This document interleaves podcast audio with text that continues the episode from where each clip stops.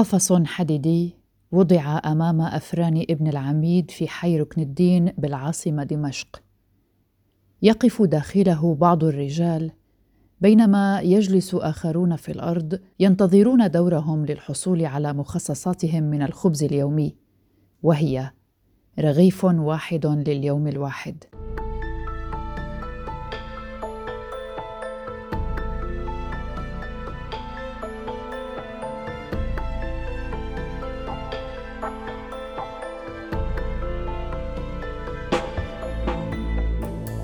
أهلا بكم في حلقة جديدة من بودكاست في عشرين دقيقة.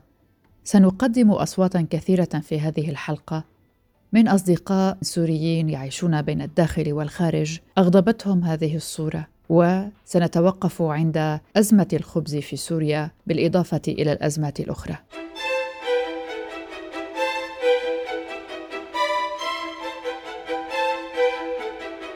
هذه الصورة التي التقطت بعدسة هاتف لعابر في المنطقة انتشرت على صفحات التواصل الاجتماعي وتم تداولها تحت عنوان أقفاص أفران بن العميد عبر من خلاله الناشطون عن استيائهم من فكرة تنظيم طابور الخبز بهذا الشكل حيث شبهوها بأقفاص السجون أو بحدائق الحيوان. يعني فوق الذل والقهر والفقر والجوع و...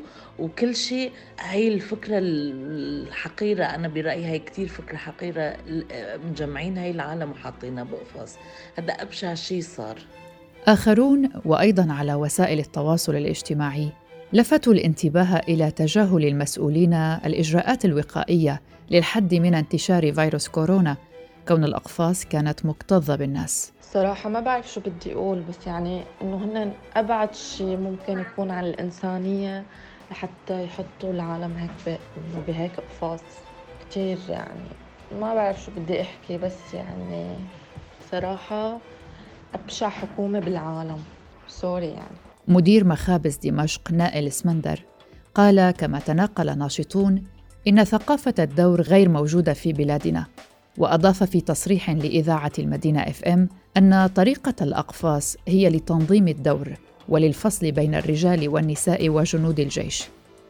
وهنا قد يراود البعض من السوريين سؤال: هل هناك قفص لعناصر الأمن وجنود الجيش الذين اعتادوا وكل سوري له معهم تجربة على الأقل اعتادوا على التجاوزات هل يختلف الأمر مع أزمة الخبز وهل يعني ذلك أنهم لن يتجاوزون أي عناصر الأمن أو أفراد الجيش الدور مندفعين باتجاه قوة البيع لأخذ ما يفوق مخصصاتهم محميين بأسماء قادتهم وقادة فرقهم العسكرية؟ هي هي اللقمه المغموسة بالدم. هي هي هذا المثال آه، واحد لازم يحط عليه. لقمتك مغموسة بالدم.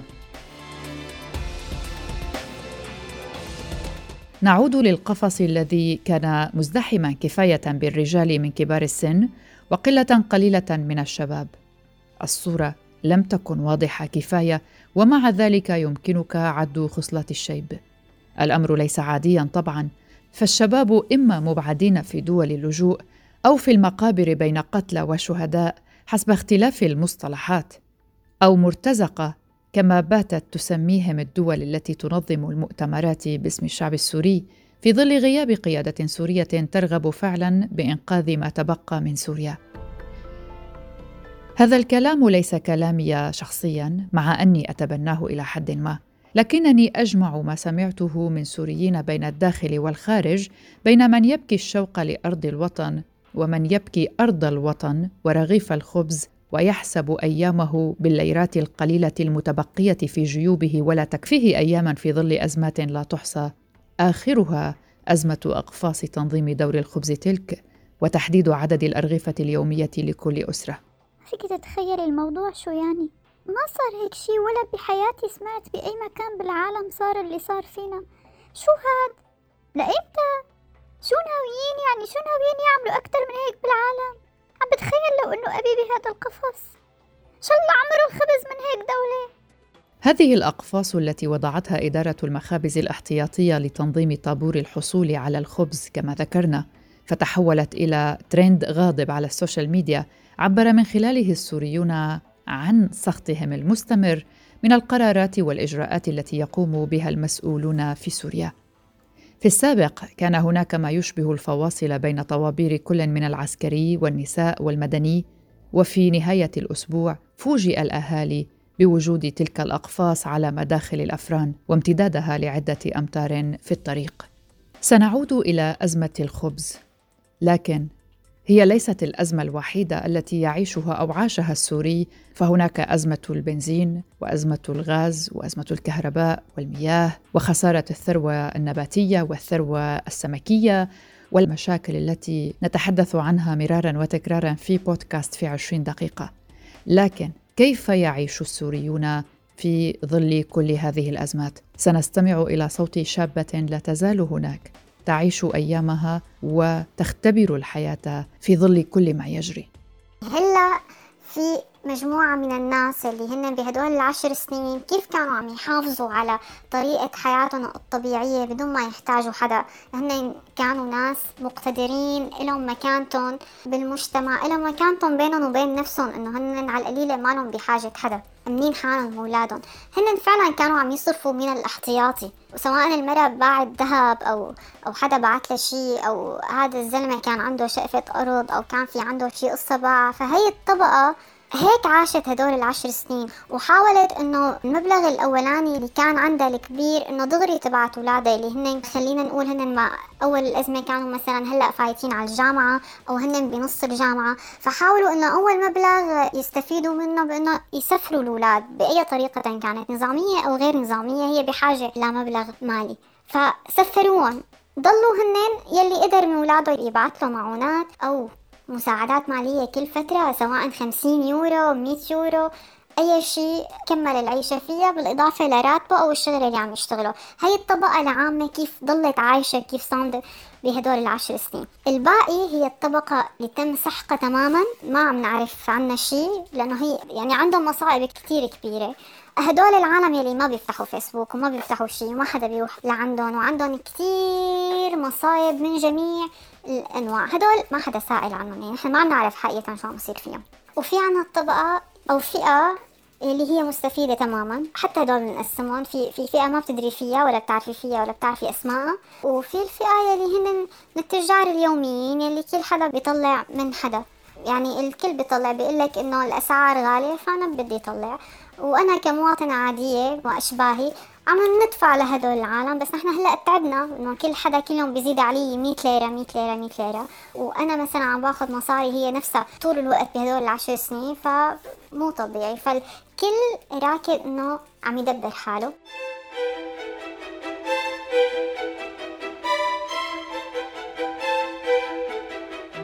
في السادس من أكتوبر تشرين الأول أقرت حكومة النظام السوري قواعد جديدة لتوزيع الخبز المدعم على المواطنين ما عرض الأسر الكبيرة لخطر المجاعة مع تفاقم الأزمة الاقتصادية المعوقة في البلاد وذلك وفقا لصحيفة الجارديان بموجب تلك القرارات الحكومية يحق لأسرة مكونة من شخصين الحصول على ربطة خبز واحدة فقط يوميا بينما تحصل العائلة المكونة من أربعة أفراد على ربطتين والمكونة من ستة أفراد على ثلاث ربطات. بينما العائلة المكونة من سبعة أشخاص أو أكثر تقتصر على أربع ربطات من الخبز بغض النظر عن عددهم في المنزل وتتكون الربطة الواحدة من سبعة أرغفة. الصحيفة أكدت أن أغلب الأسر تلجأ إلى السوق السوداء للحصول على الخبز والذي يصل فيه سعر الربطة الواحدة إلى 500 ليرة مقابل 100 في المخابز الحكومية. الحكومة السورية اضطرت في مطلع العام الجاري إلى توزيع الخبز بالبطاقة الذكية بسبب الأزمة الحادة في توفير الخبز. وكما ذكرنا فإن أزمة الخبز ليست الوحيدة. سوريا تعاني من أزمة اقتصادية حادة وانهيار للعملة ونقص في السلع الأساسية بسبب أزمة كورونا والأوضاع الاقتصادية في لبنان بالإضافة إلى العقوبات الأمريكية على النظام السوري بموجب قانون قيصر ما يجعل سعر الخبز مقياسا جديدا قاتما للمشاكل المالية في البلاد. أزمة أخرى انضمت خلال الأسابيع الماضية إلى تلك الأزمات وهي نقص الوقود، ما تسبب في ازدحام الشوارع خاصة في المناطق التي أغلقت فيها محطات الوقود أعمالها.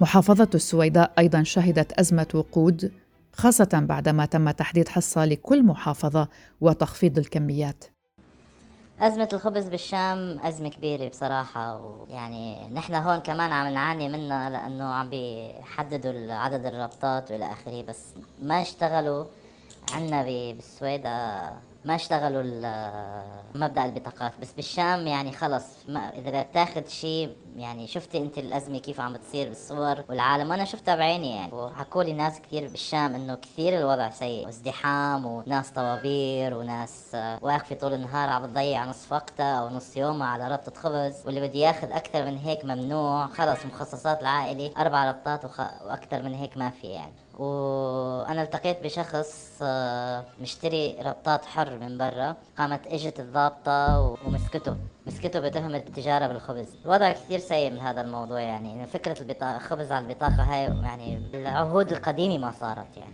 وبالنسبة لهذا الشيء يعني كثير سيء يعني كثير كثير وضع سيء بالشام يعني. وبحسب تقديرات الأمم المتحدة يعيش 90% من السوريين في مختلف الأجزاء التي يسيطر عليها النظام السوري تحت خط الفقر.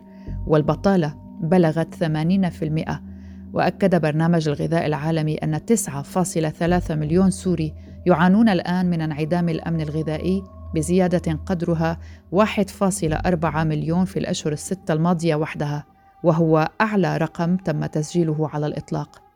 واشنطن أيضا أعلنت في بداية شهر أكتوبر تشرين الأول الدفعة الثالثة من العقوبات بموجب قانون قيصر والذي يحظر التعامل مع النظام السوري أو عناصره من دون محاسبة المسؤولين عن انتهاكات حقوق الإنسان التي ارتكبها النظام. كما أن هذا القانون يحظر تقديم المساعدات لإعادة بناء سوريا إلا أنه يعفي المنظمات الإنسانية فقط من هذه العقوبات جراء عملها في سوريا.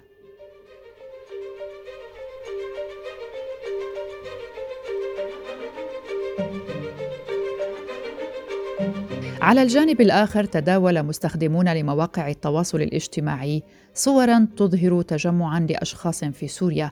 قالوا إنهم يتهافتون على شراء هاتف آيفون 12 الجديد بعد طرحه. وأثارت الصور استغراب المغردين السوريين حيث ينهار الاقتصاد السوري تحت وطأة صراع معقد متعدد الأطراف. بينما هناك طوابير من السوريين ينتظرون دورهم لشراء الآيفون الجديد والذي بلغت قيمته 5 مليون ليرة سورية. رغم العقوبات التي ذكرناها عرضت شركة إيماتيل السورية هاتفي آيفون 12 وآيفون 12 برو في صالة المزة في العاصمة دمشق. ونشرت الشركة الموضوع على قائمة العقوبات الأمريكية نشرت لقطات مصورة من حفل إطلاق الهواتف الجديدة بشكل رسمي في سوريا. شركة إيماتيل يمتلكها رجل الأعمال خضر طاهر وهو على قائمة العقوبات الأمريكية أيضا منذ 30 من سبتمبر أيلول الماضي وذلك بحسب موقع وزارة الخزانة الأمريكية. الشركة قالت في منشور لها على فيسبوك أنها انفردت أي إيماتيل بكونها أول شركة سورية توفر الهاتف رسميا بالشرق الأوسط وحصريا في دمشق اليوم وذلك قبل البدء ببيعه رسميا في المنطقة العربية وبعد الإعلان عنه بعشرة أيام فقط من شركات آبل. عرضت الشركة أيضا فرص لربح هدية من إيماتيل إذا نجح رواد صفحتهم في توقع سعر الموبايل. ما فعلته إيماتيل أثار الجدل بشأن كيفية حصولها على الهاتف وبيعه رغم أنها على قائمة العقوبات الأمريكية الأمر الذي يمنعها من استيراد المنتجات الأمريكية. المهم أن سعر الهاتف الذي أعلنته الشركة وصل إلى ما بين 3.9 وحتى 5.3 مليون ليرة سورية أي نحو 4200 دولار بالسعر الرسمي للمصرف المركزي و2200 دولار في السوق السوداء. وذلك حسب ما نشرت مواقع سورية محلية. الجدير بالذكر هنا أن السعر الرسمي للهاتف الجديد في الشركة المصنعة هو ألف دولار.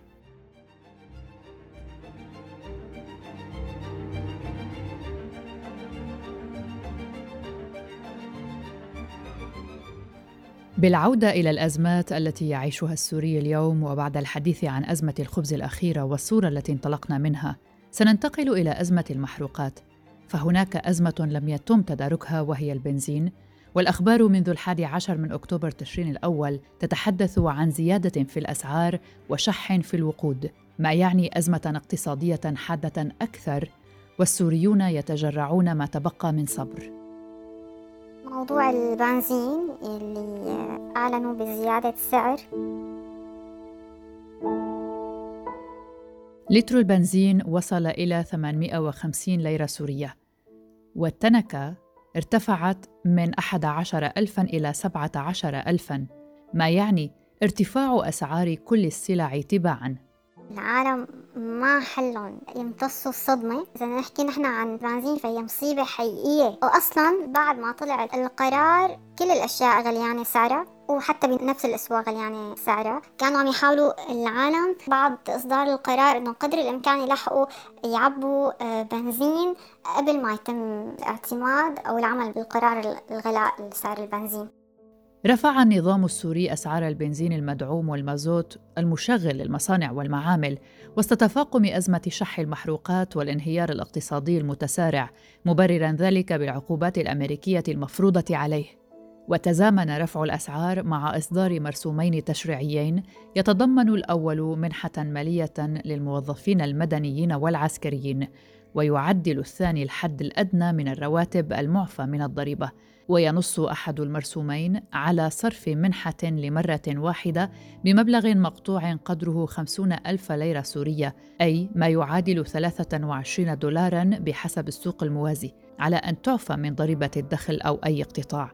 يتضمن المرسوم الثاني تعديل الحد الأدنى المعفى من الضريبة على دخل الرواتب والأجور ليصبح خمسين ألف ليرة سورية بدلاً من خمسة عشر ألفاً. وردت وزارة التجارة وحماية المستهلك قرار رفع الأسعار إلى التكاليف الكبيرة التي تتحملها الحكومة لتأمين المشتقات النفطية وارتفاع أجور الشحن والنقل في ظل الحصار الذي تفرضه الإدارة الأمريكية على سوريا. أزمة المحروقات الحادة وساعات التقنين الطويلة ليست جديدة لكنها تتفاقم وذلك بسبب عدم توفر الفيول والغاز اللازمين لتشغيل محطات التوليد.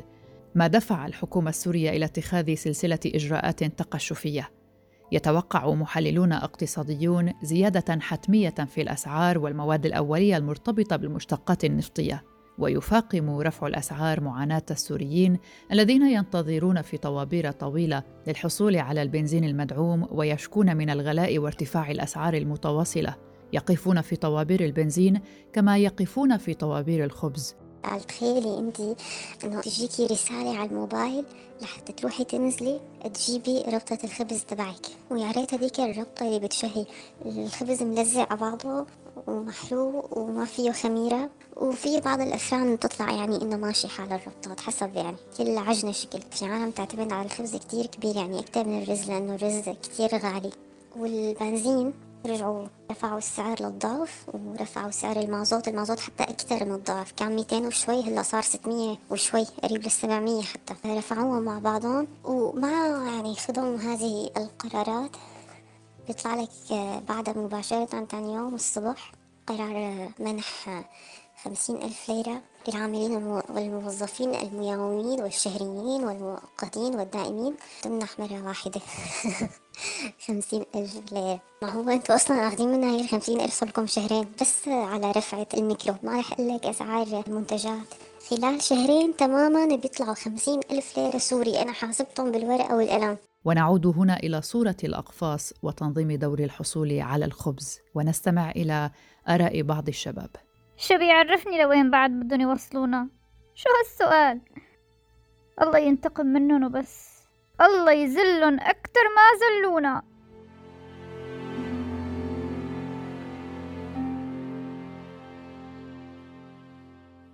خلصوا من الحرب صار في عندهم حرب أكبر وأبشع هي ما في إنسانية آه، ما في أكل ما بيعاملوا الناس بمعاملة منيحة كإنسان على القليلة واحد شو بده يحكي؟ الصورة الصورة لحالها معبرة.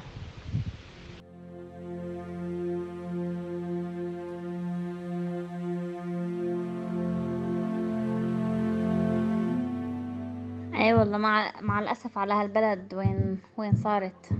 مع الأسف والله. الحمد لله على كل حال.